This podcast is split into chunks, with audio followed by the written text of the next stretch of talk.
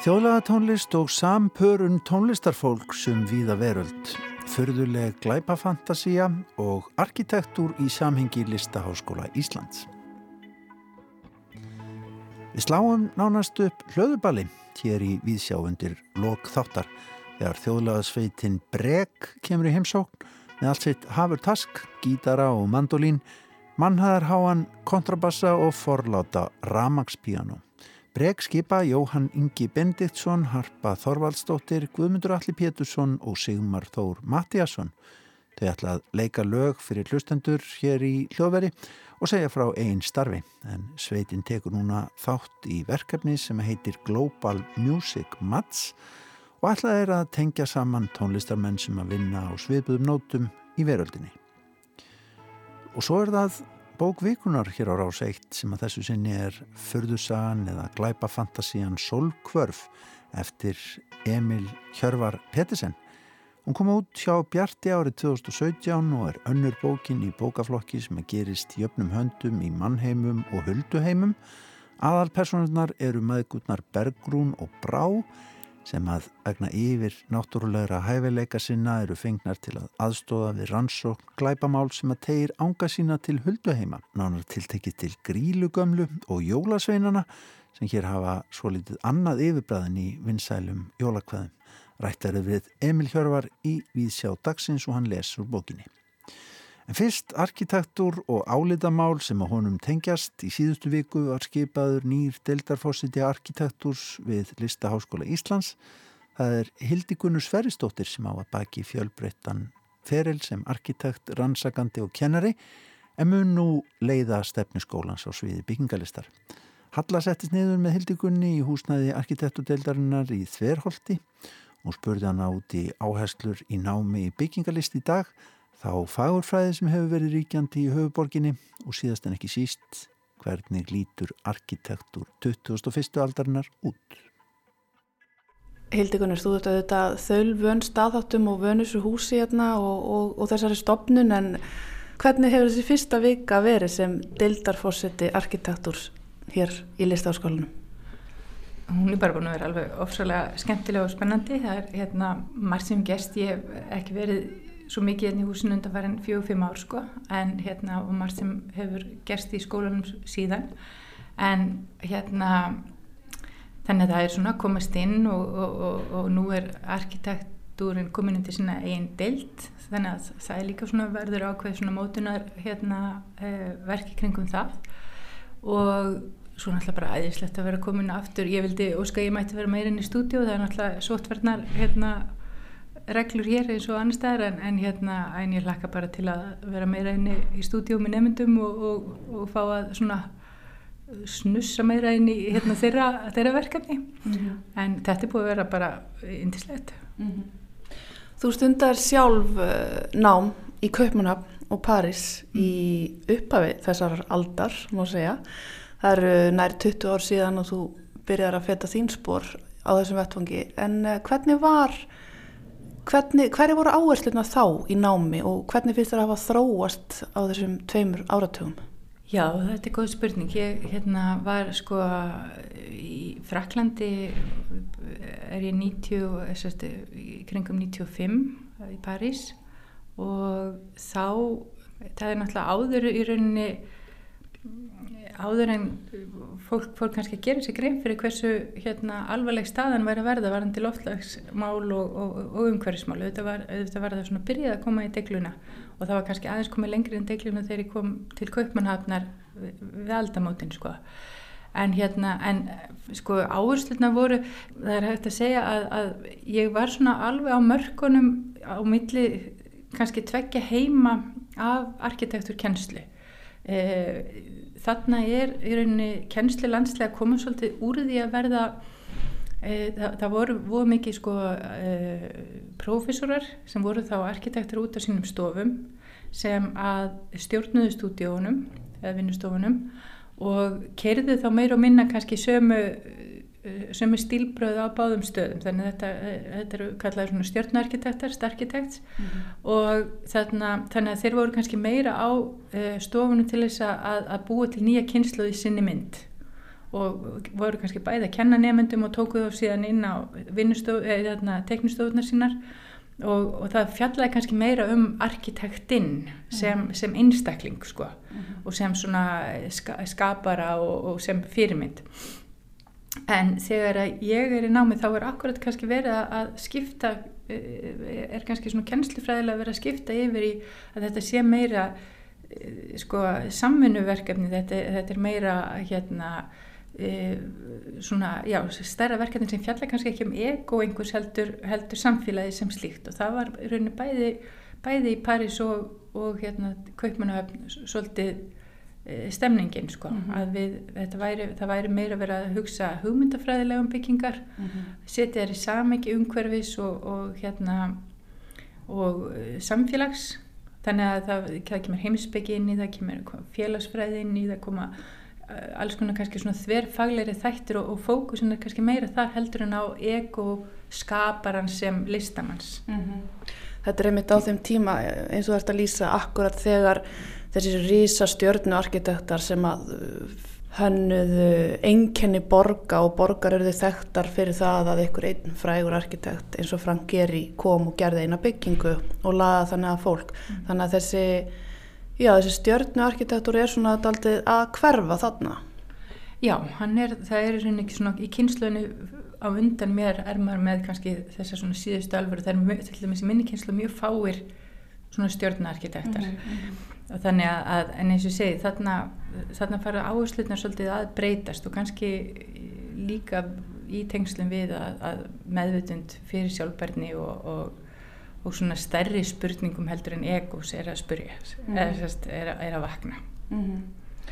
En er þá kannski hægt að segja að í dag snúist arkitektur um, frekar um innihald og hugmyndafræði heldur en form. Þar að segja að formið sé frekar afleðing af hugmyndafræðinni heldur en að formið sé forsendan eins og hjá þessum stjörnum.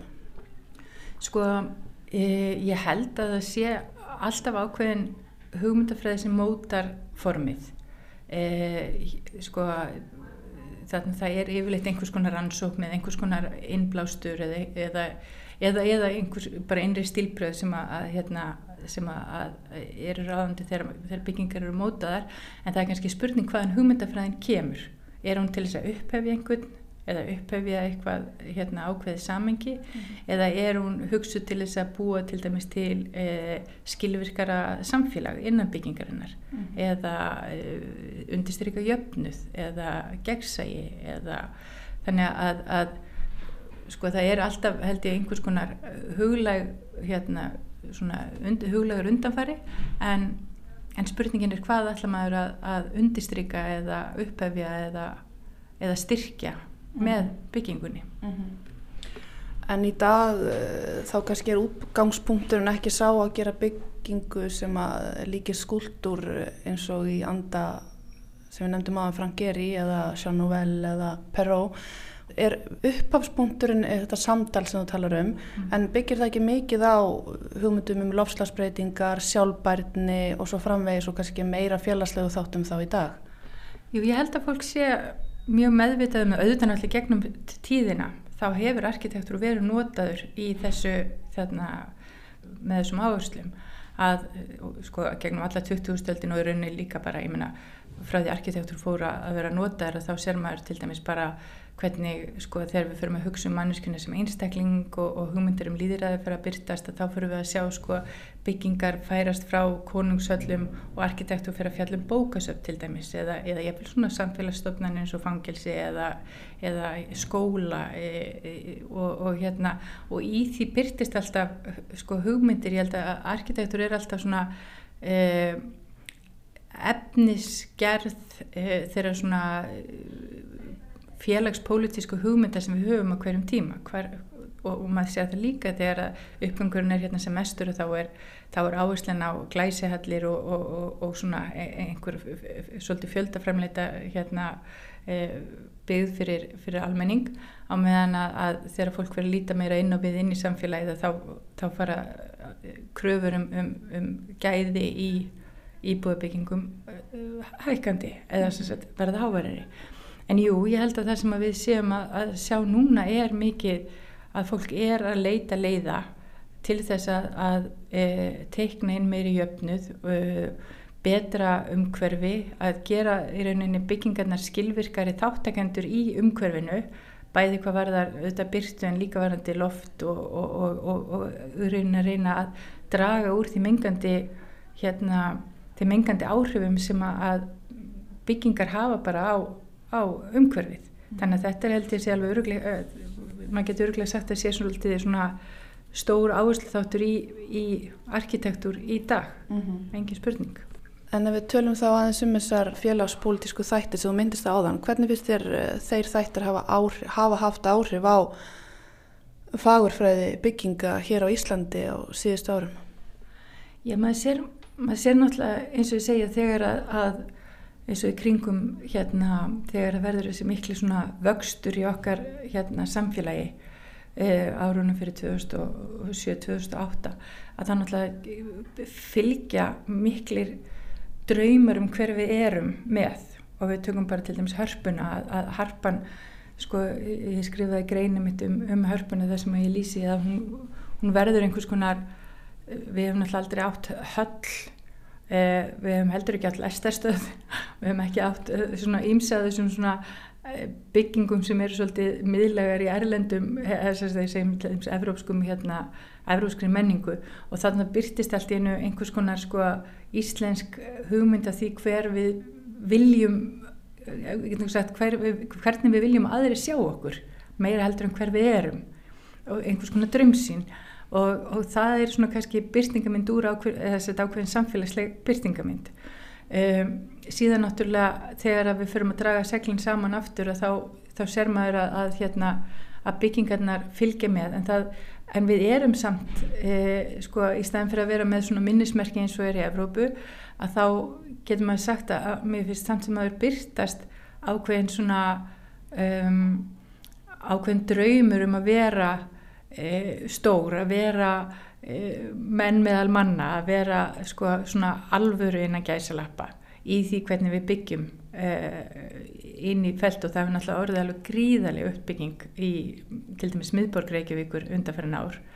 Og hérna og það er hansi áhugavert að sjá svona hvað sko að, að, að að mörguleiti þá vitum við, við erum ennþá svolítið á mótunar stíi sem samfélag, við erum það er óbúslega mikil, eh, hérna, mikil ferðarþjónusta, mikil peningar að koma inn þar en það er samt svolítið nýtt þannig að við erum að hoppa svolítið hratt inn á þá lest og, og, og kannski sko, við náttúrulega byggja mikið á hótelum, eh, taka mikið af gamla miðbænum og, og breytunum yfir í Airbnb og svo leiði sko. Ánþess kannski að, að staldra mikið við og spurja hvernig er best að gera þetta og hvernig, hvernig gerum við þetta best til langstíma og svo framvegs auðvitað þurfum við eitthvað af þessum hótelum og, og, og, og sumti mjög vandað og fínt. En það er kannski svona þegar maður horfir yfir heldina þá sér maður að það er svolítið, það er svolítið svona verið að stökka til og finna til svörin og hérna svara kannski mjög nýjum hérna þörfum, mjög hratt. Og svo finnum við eins og núna þegar að dregur saman að þá sitjum við uppi með rosalegt magn í miðborgin okkar sem við veitum ekki almennilega hvað við eigum að gera við auðvitað er þetta ekki bara bundi við Ísland þarna ferðarþjónustan er allstæðar í Lamassessi en þetta er samt undistrykka svolítið að, að við erum kannski komið svolítið svona hrað eh, hraðgerð svör á því hver við erum sem höfuborg til dæmis mm -hmm. Og finnst þér útlitt húsana líka að bera vott um þetta? Um, já það er náttúrulega sko maður getur sagt að það eru kannski inn á milli eru svona ákveðnar tilraunir til þess að gera hérna svona fjölbreytilega gödumynd og fjölbreytilega e, borgarmynd getur maður sagt. E, fólki finnst samt hérna fólk tala mikið um, um kassaarkitektur og, og, og maður skilur svo sem alveg hvaðan, hvaðan það kemur. Þa, þetta, það er ákveðin svona e, sko vandamáli verður kannski svolítið þegar að e, svona mikið er byggt í einu að þá verður náttúrulega svolítið e- einsleitt viðmótið í gödumyndinni og um, þess að segja já, ég, mér finnst kannski þessi svona mikla uppbygging og, og, og mikla, sko, þessi hraði byrtast svolítið líka í, í ásýndum byggingarna, ég, verður að segja það mm -hmm. að, að hérna og kannski svona um, aftur svolítið svona eins og, eins og óskum ákveð hlutleysi en, en, en, en svona e, e, eitthvað svona fullorðins þannig að það hérna það kannski já það er, við erum kannski ekki alveg lengt í einhverju fagufræði sem er okkar sem er staðbundin eða sem að, að endur speklar kannski Ísland sem, sem slík og eru meira kannski svona að, að bara að svara hratt mm -hmm.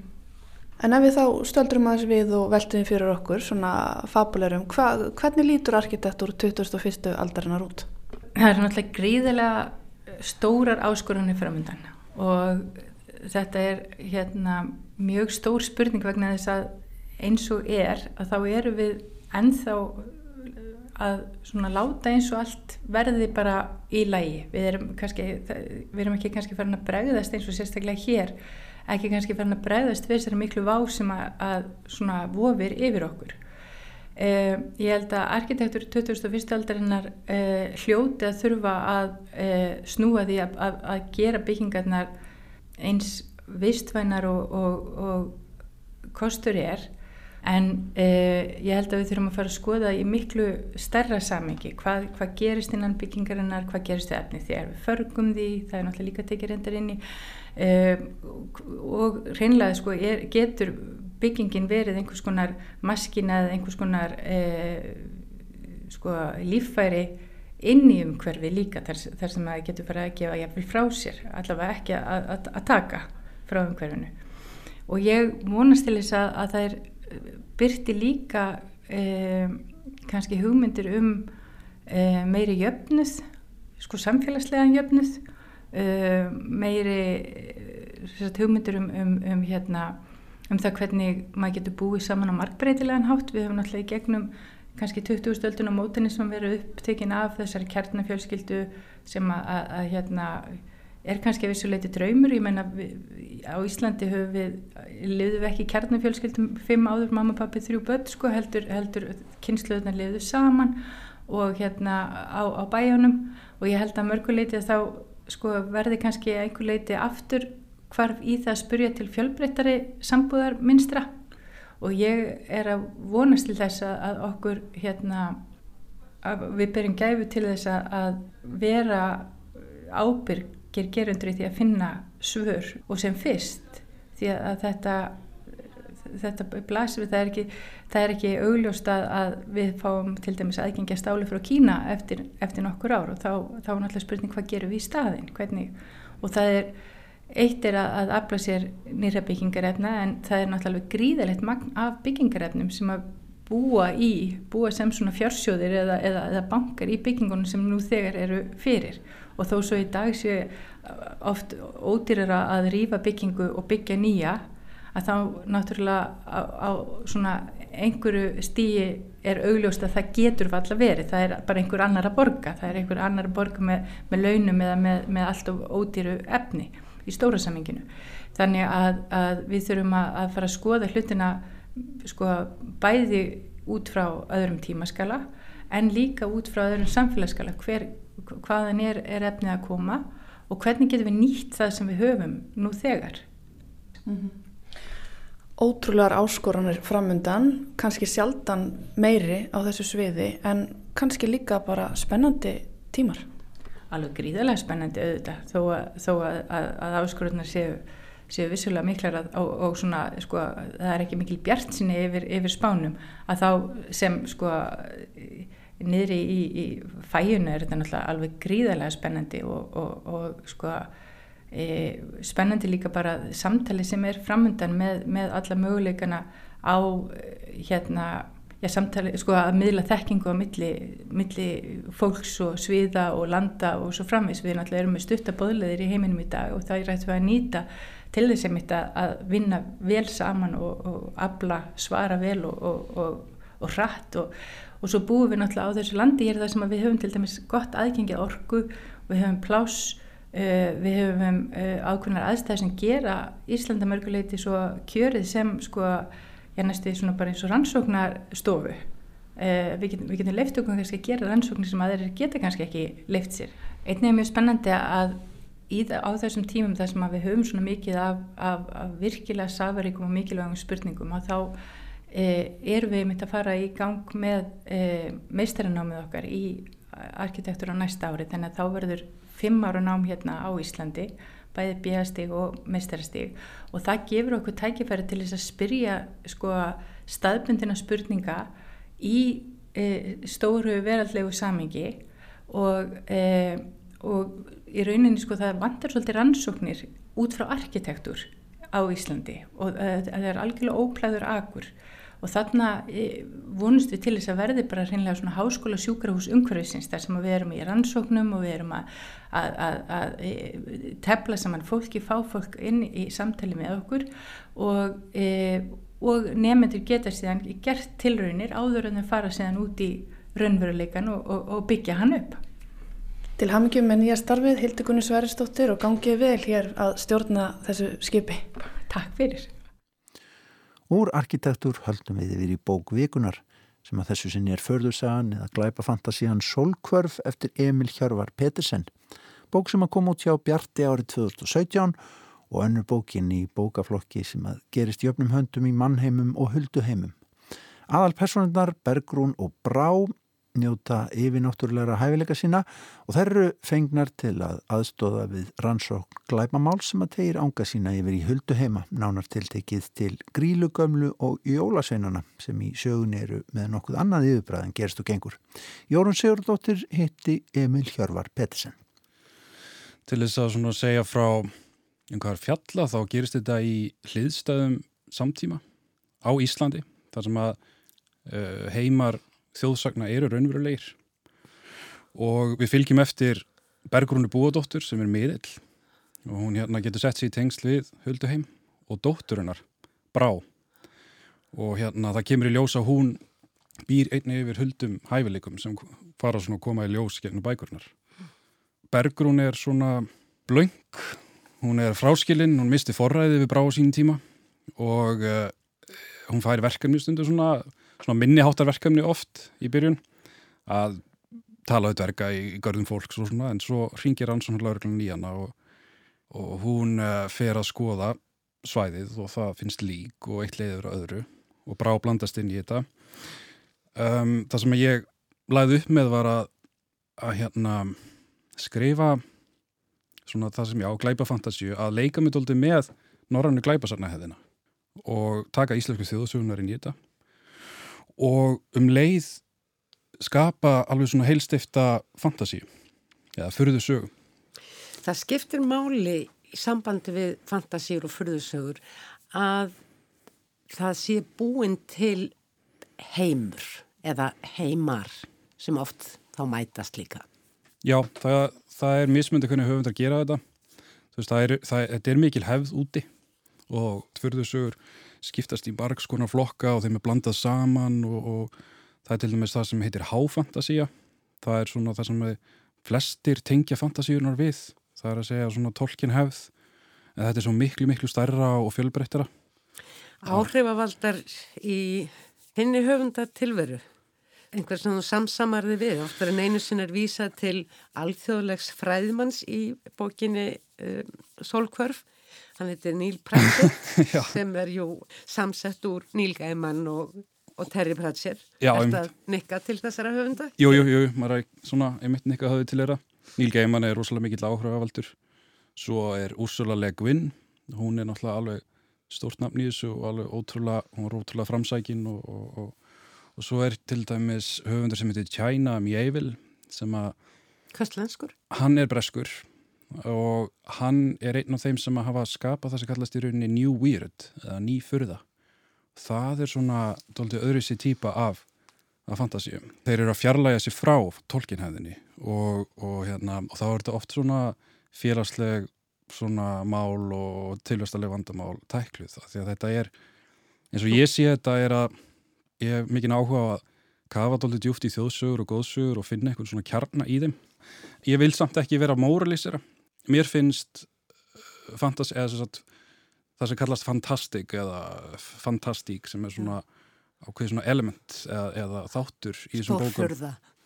Ég kallar það furðuna bara með stóra effi sko, hún er grunnurinn að textanum. Hún, hún er rauninni uh, lesandi geng, gengst við fyrðinni strax, hún er, hún er grundvöldurinn og ég sé sko fyrðuna sem tæki til þess að nota margt sem að hérna er í kringum okkur eins og þjóðsugunar og samtíman og svo framvegis og krifja ákveðin hátt og þá vonandi skapa einhvers konar nýtt sjónarhorn á það sem við erum öll að fjallum þannig að Hvaða lesendur hefur í huga? Eða hugsaður ekkert um lesendan? uh, að já, bandarskur höfundur sem saði ef maður er alltaf að hugsa um lesendan þá verður maður fljótlega bara brjálaður sko þannig að auðvitað er maður með lesendur í huga en ég hef lagt upp með að skrifa fyrir eldri eða þess að það er ríkhæfð á Íslandi fyrir barna og unglingaævintýrum ég hérna lagði upp með frá byrjun að skrifa fyrir eldri lesendur og auðvitað yngri líka en sérst, að ná að fanga aðtegli og áhuga eldri lesenda þannig að hérna, af því að úti þá eru þessar bókmyndir aðalega fyrir fullorna Mm. þannig að ég, mér langa að, að skapa það hér líka sko. Þetta eru ótrúlega fjölskrúður flokkur, uh, ólíkra, vætta, trölla, dverga, álfa, völfur, galdramenn og, uh, og svona í bland við framvindu sögunar þá fáum við alltaf eh, lesandin svona ákveðnar upplýsingar um eðli þessara vætta eða vera Mhm. og þú vísar í heimildir og, og sögupersonurnar eru líka að uppgötva uh, eiginleika í bókinni já, þetta er svona rannsókn á meðan sko. Já. Að- og þú vísa, það er þarna gullbókin uh, sem að uh, Brá hefur komist yfir slitrur úr sem að Já, gullskinna. Gullskinna, já, einmitt. Og síðan vitnarður í Eiríksögu rauða því þannig er Þorbjörg Lítilvölva. Hún leikur undir grunn mm og uh, þú lesi mikið um vætti og, og svona furðuverur í íslenskum sagnaarfi. Já, sjálfsög, já það er mikil heimild að vinna á baka þessar bækur.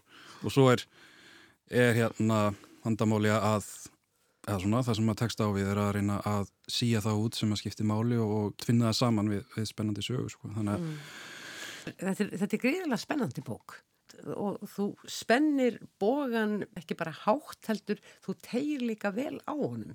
Því að oft er, eru mál í þann mund að vera til líkt að lit en þá gerist eitthvað, einhver byrtist eða Já. einhver galdur eða, eh, eða einhvert verkfæri eða guðmávita hvað og enn og aftur þarf að, að takast á við þessa fórinju eða þennan meinvætt. Já, það, það, er, það er skemmtilega náttúrulega við að geta blanda saman þessum tveimur bóknagreinum er að það býr upp alls konar möguleika að hérna með sólkvörf, hún er sérst önnur bókin í bókafloknum um Bergrún og Brá og satt best að segja var ég, ég með lesendan ég á, þegar ég var komin dóldi inn í hana þá bara ég verði að skrifa það sem kemur til mín ég geti, að því að hún, hún verði dóldi skrautlega á köflum Mm. og, uh, og þegar ég var búin að klára hún og senda til útgefanda þá fyrst varð ég dálítið stressaður af því að uh, hún fjallar um jólaseinuna og hérna ekki jólaseinu eins og við þekkjum þá heldur einhverja frumgerð þeirra. já, þeir, þeir eru bara skrimsli og, og mannætur og uh, rúmlega þriðingur bókarinnar gerir síðan í hulduheimi sjálfum sko. og þá, þá breytist þetta úr svona rökkur uh, borgarfantasíu yfir í háfantasíu en síðan urðu við, viðtökunar góðar og ég, ég var mjög ánæður sko, að því að uh, maður er svona að taka áhættur stundum Heyrðu, eigum við að heyra aðeins í sögunni að lokum. Ég baði um að velja Já. tvö brot. Segðu frá fyrra brotinu það er gerist í mannheimum. Já, það börnum hefur verið rænt það er búið að sjá drísiltröll kalla eða jólasein og sveimi og Bergrún og Brá, Brá fara í íbúðhús á Vestlanda og er að rannsaka vettvang. Í sama byli og böndin losna byrtist höfuð herfilegs drísiltröll Karls fyrir ofan burstabæin. Karlin er á giska rúmir tveir metrar á hæð og því korki jafn stór nýja breyður og frændur hans, hellatröllin. En hann er jafn anstekilur að sjá. Ég hef aðeins lesið um útlitt drísiltrölla og séð gamlar teikningar en ber nú augum í fyrsta skipti þá fórinju sem almenningur hefur, mildað með sakleitislögum sögum og vill kenna við jólasveina. Tröllkarlin er stórfurðulegur á að líta. Líkt og í gömlum lýsingum vætta á þjóðfræðinga er hann nær búklaus og klofið millir langur á tálausra fótana tegir sér langt upp. Búkurinn er lítil vömb millir háls og skítugra kinnfæra. Flekkjóttir handleikinir er á sífeldu yði, hendurnar eru í raun kvassar klær og handleikinum væri best líkt við greinar á skrælnuðu tríu. Andlitstrættinir eru mun skarpari en á öðrum tröllum. Kinnbeinin eru há, nefið kvast og augnaráði beitt. Í stað kupsleira tröllatanna eru tennurnar kvassar, gerðar aðeins til að rýfa kjöt en ekki breyðjan einn bein. Það eina sem minnir á nútíma jólasvein er grá húfun á höfðinu og pókin sem hann heldur á. Það sem skilur þennan drísiltröllkall frá öðrum af hans kyni, ef markam á heimildir, eru fullstarfandi lungu sem hangutan á líkamannum. Þau eru þykk og stór og kæmust engan veginn fyrir í smáum búknum. Þetta hljóta vera sekkirnir tveir sem Rósa lísti. Nú reyfjast upp fyrir mér hinn ímsu jólasinanöfn. Þau eru fjöldamörg og lýsa sérkennilegu hátterni eða ókennilegu útliti. Gæti verið að þetta sé lungnaslættir. Ef svo er, sannast hér með að nafngiftir jólasveinana voru ekki út í loftið, en í gegnum aldirnar hefur sérkennunum verið breytt í rekki og sérvisku. Hinn meinti lungnaslættir hefur ekki endtekið eftir mér. Finnur ef til vil ekki jafn stert fyrir tengingum minni við huluna og álvargera, en það varla jafn fjölkunnugur. Þetta er smá insýn í það hvernig huldumiðlar vinna. Þeir sjá inn í uh, þennan hulduheim mm -hmm. en á endanum í þessari sögaminnstakosti verður að fara inn í hulduheimin benlinis. Það, var, það er sett saman teimi til þess að reyna bjarga börnun. Hér eru þau sem sagt komin yfir, teimið allt. Mm. Það eru Bergrun og Brá á samt uh, uh, teimur tröllaveðurum og trúitanum og galdramannunum Mollói og í þessu broti hafa þau orðið viðskila og Brá og Mollói eiga í höggi við útilegu menn sem ornir eru mannættur í hulduheimum. Það er Brá sem segir hér frá. Ógeðfelt andlit seppa nálgast. Hann rekur út úr sér tungun og sleikir varinnar á mér. Rýtingurinn leggst upp á húðinni. Á næsta augnarbyggi mun hann skera mig á háls. Í hans augum er ég augláslega bara unglam sem hann ætlar að leggja sér til munns. Hann vannum heitur mig og hefur ekki einu sinni haft fyrir því að binda hendur mín á freftan bak. Ég ætla að nýta mér það. Áður hefur Karlmaður byrlað mér svefneitur og bundið. Ég kom mér úr því klandri og ætla ekki að gefast upp núna heldur. Ég mun aldrei gefast upp. Ég tegi mig aftur eins langt og ég get, tekst að mynda svo litið bíl á milli okkar og skalla hann svo í nefið. Ekki mér fast en nógu fast til að koma núna á jafnægi. Blaði á rýtingnum skerst aðeins undir hökuna. Ég finn heitt blóði leka niður í hálsmálið en ég held að þetta sé ekki djúpur skurður. Áður en Seppi áttar sig, læsi ég tönnunum í rýtingin, reyna að halda blaðinu frá munvekunum en þegar ég hrifsa hann úr höndunum á Seppa finn ég blaði skerast smá í mig. Aftur er það líklega smá skeina. Því næst reysi ég með ögn við, læt rýtingin rúla niður bringuna í lofa mína og með hendur bundnar legg ég kutanum djúft upp í þindin á manninum. Upp undir rifbinin, ég þrýsti fastar, fastar, fastar. Allt þar til hálft skaftið er komið inn. Þetta viðurstykkilega gerpi missir andan, hóstar upp blóði og starir trillt um augum á mig, en hleypir svo brúnum þegar hann áttar sig á því að hann er að deyja og andliti breytist í eitt stórt spurningamerki. Hann fellir ofan á mig, fætur og hendur kippast til og ég sé ottin á rýtingnum stingast úti gennum larvana á bakinu. Seppi! Rópar högnu upp yfir sig. Seppi minn! Nei, nú fær að kenna á því dræsaðinn. Hann beinir spjótinu sem hann heldur á að mér og býst til að reka mig á hól. En þá öskrar drúitinn síðustu orð þulunar. Makk týre. Á sveip stundu skreppa útlimir hann saman inn í kublin og þannig losnar hann úr böndunum. Bakið bognar, nefið lengist og kjálkarnir falla inn á við. Hár spretta á öllu andlitinu og annars snóðaður kollurinn er nú þakin laungum hvítum hárum. Allir líkamspartar hans breytast, nema augun sem eru söm. Mólói breytist í stóran hvítan úlf sem stekkur umsögalaustur kuplunum og á högna. Læsir skoltinum framann á hálsans og beinlínits rýfur framannverðan hálsin af. Í stuttastund stendur högni enn uppréttur með úlfamólói framann á sér og ég sé að ég verða að gera eitthvað til að stöða guðuna sem er nú við það að stinga spjóti sínu í úlfin. Þetta er mögnuð lýsing. Þetta er sko, ef maður ætla að hafa ofbeldi sko, þá verður maður að gera alltaf svona skröðlegt. Einmitt. Emil Hjörvar Pettersen, takk fyrir. Takk fyrir mig. Og því við þetta bæta að bókvikunar verður rætt á sínum stað í dagskráni á sunnundasmorgun. Jórun ræðir við Björn Haldarsson og Brínhildi Heiðar og Ómarsdóttur um þessa bók Solkvörf eftir Emil Hjörvar Pettersen. En þá fáum við lifandi tónlist, það eru kominir góði gestir hingað í hljóðver, hljómsutinn Brek sem að hljómar svona.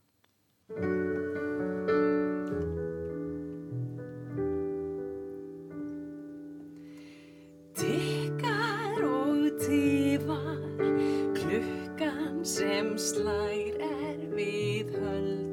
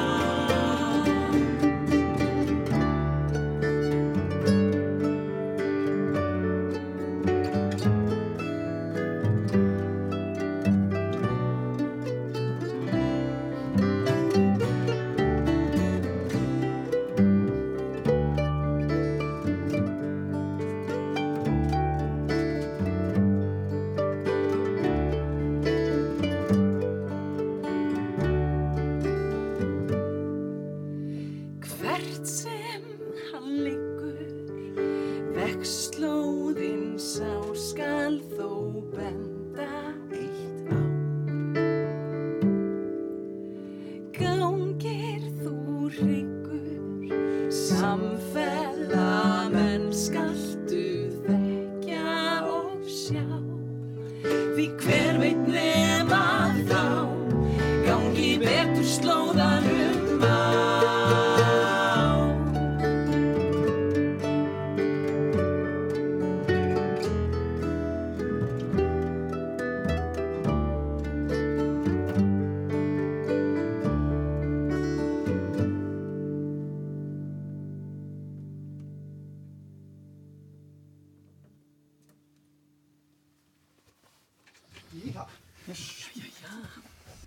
Þetta ágættu hlustendur var hljómsveitin Brek. Hún er hingað komin í hljóðstofu nummer nýju í Ríkisúttarpinu. Innilega velkomin Takk fyrir. og takk fyrir að taka hljóðfæri með. Ég held að þetta er ekki svona mikið vesen en það, það er alveg, það þarf auðvitað að róta og gera, gera allt. Rósalega gaman að koma. Við hefum hann lag sem heitir Vegslóði, slóðinn Vegslóðinn. og hérna fjallar um lífsins veg, heyrði ég. Hver álægið? Tekstan og Jóhann Já, og svona upprunalegu laga hugmyndina. Já, Já. grunninn svona. Já, svo svona tökum við þetta og vinnum þetta áfram Já. sem hópur. Og bara svo ég fari við það, Jóhann Ingi Benditsson, hann leikur á gítar og syngur, Harpa Þorvaldsdóttir leikur á píanó og syngur, Guðmundur Alli Pétursson á mandolín og tekur einu enna bakgröð, herði ég, og Sigmar Þór Mattiasson blokkabassan og syngur líka bakgröðir, það er allir syngjandi. Hmm. Hvaðan kemur brek, þessi ljónsett? Hún er nú ættuð eiginlega að norðan, er það ekki? jú, úr vestur húnavarsíslu á sumuleiti, sko. Partur af henn allavega. Sem sagt, kannski sagan á bakvið er að, sem sagt, ég, Jóhann Ingi og Harpa, við erum, sem sagt, úr vestur húnavarsíslu. Ég er sveitastrákur af Vassnesi og Ég er ekki sveitastelpa, ég er frá Kvamstanga. Já, bara úr, úr sollinum á kvælþorka. Já, og við hefum sem sagt svona þekst og vitað af hverju öðru í tónlist í mörg ár en einhvern veginn við aldrei gert neitt. Nei, við Saman? töluðum mikið um það Já. samt. Og það var þarna 2018 í ágúst, þar sem við hittumst, einmitt á Kvamstanga, sem við sögðum bara, nú gengur þetta ekki lengur, nú þurfum við að gera eitthvað og ég er rosalega fegin að Jói hafði svo samband við mig. og við, Þá, hérna, þá gerðum við eitthvað. já. Og svo kom Guðmundur allir fljótt inn í það. Það var eiginlega mjög fljótt, það var eiginlega á fyrstu æfingu. Já, Ast, astnaðist á fyrstu æfingu og vildi þeim til mandólínið. mandolin í bílnum óvart Já, þannig að það er einhvern veginn bara hei, okkur er þú ekki með okkur hérna ok, Einfalt. Svo voru það hinn eilífu vandrar, vandræði hljómsveitar um bassaleikara og ég var svo heppinn að vera að vinna með Simma og hann langaði til að prófa og, og okkur langaði til að prófa Já, ekki? já, bara til í þetta. stórkostlega ákvörðin. það var indislegt já, hjá þér Simmi Sigmar er náttúrulega jazzmaður, uh, það skiptir einhver máli sem maður, að maður fer bara í þjóla gallan. Já, ég hef svona hef verið að, að- að stúsast í þessari jazzmúsík undanfærin ár en, en, en, en let afvega leiðast. inn á þessa lendur. Ég nei, bara virkilega gaman að prófa eitthvað nýtt og, og, og já, gera það bara sem flest sko, sem maður finnst skemmtilegt. já, Ég kalli ykkur hingað af því að þið eru að taka þátt í daldi forvitnilegu verkefni sem heitir Global Music Mats á að eiginlega para saman tónlistafólk úr, já, hérðan þaðan, ekki satt. Eh, Þetta er eitthvað á, á svona forsvari útóns, útflutningsskrifstofunar í, í tónlistinni og þið eruð í rauninni í allt innu komin í svona hálki brefasamskipti við, við, hérna, við uh, aðra tónlistamenni úr þjóðlega geranum, ekki satt? jú, það passar. Þetta er sem sagt eh, við höfum verið að reyna að hérna, þetta er eiginlega hálfgerð tilhörnaverkefni þar sem við verið að reyna að uh, tengja saman uh, tónlistafólk út um allan heim á tímum þar sem er ekki hægt að ferðast og hittast og allt þetta. Og fer fram voða mikið bara í gegnum Zoom samtöl og, og, og svo leis og gengur út á það að það eru 96 listamenn út um allan heim frá 14 löndum sem að uh, taka þátt í verkefninu í gegnum útflutningsskrifstofur sinna landa. Mhm. þeim er deilt upp í 16 hópa. 16 16 hópa, já. Vá. sex artistar í hverjum hóp og verkefnið okkar sem sagt, svo spannar verkefnið sex vikur og einn listamæður á hverjum hóp er útnefndur listamæður vikunar og þá eiga hinnir fimm í hans hóp að kynna uh, viðkomandi listamann fyrir sínum uh, áhangendum Já, á samfélagsmiðlum. Þannig að þið eru undanfarnar vikur búin að vera Já. promotera einhverja listamenn sem þið hafið aldrei hitt. Já, sem er svolítið forrættilegt, við erum sett saman í hóp uh, sem, já, sem betur fyrir, þetta er þetta náttúrulega allt frábært fólk, en þú veist, við erum sem betur fyrir bara góðum hóp og það er strax, maður fann það strax í byrjun á fyrstu samtölum að, að þarna var alveg fólk sem gæti tala saman. Já. og, veist, og hérna, já, það er bara gaman, við manna kynnumst ólíku fólki hérna og þaðan og, og hérna, ólíkri og þeirra tónlist og það er aldrei, það er alveg skemmtilegt verkefni að kynna sér þá og kynna það svo fyrir uh, þeim sem fylgja okkur á samfélagsmiðlum Skulum heyra smá brot á samfélagsmiðlum. Hello to all followers of Brek and the Global Music Match. We're coming to you from Reykjavik Botanical Gardens in Iceland and uh, we're here to introduce you to the five other bands participating in the Global Music Match with us in Team 15. The first artist is Corazon from Wales. The Shackleton Trio from England. GKN5 from Norway. Kathleen Maggie from Estonia. And Danshev Domain from Finland. So stay tuned. Sko þetta er daldið svona eins og, já hvað maður segja, kæri nordíski vennir eða eitthvað. Þetta er svona Já, já. einhver svona, eitthvað bræðralag milli landa uh, sem er verið að byggja brýr, ekki satt.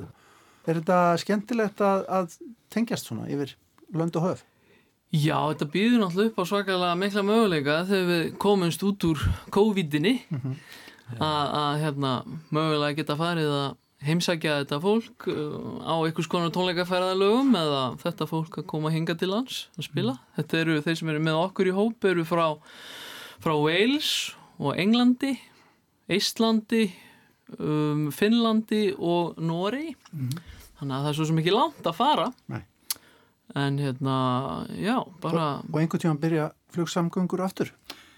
Já, Já, ekki. vona það. Eða árabátur eða eitthvað?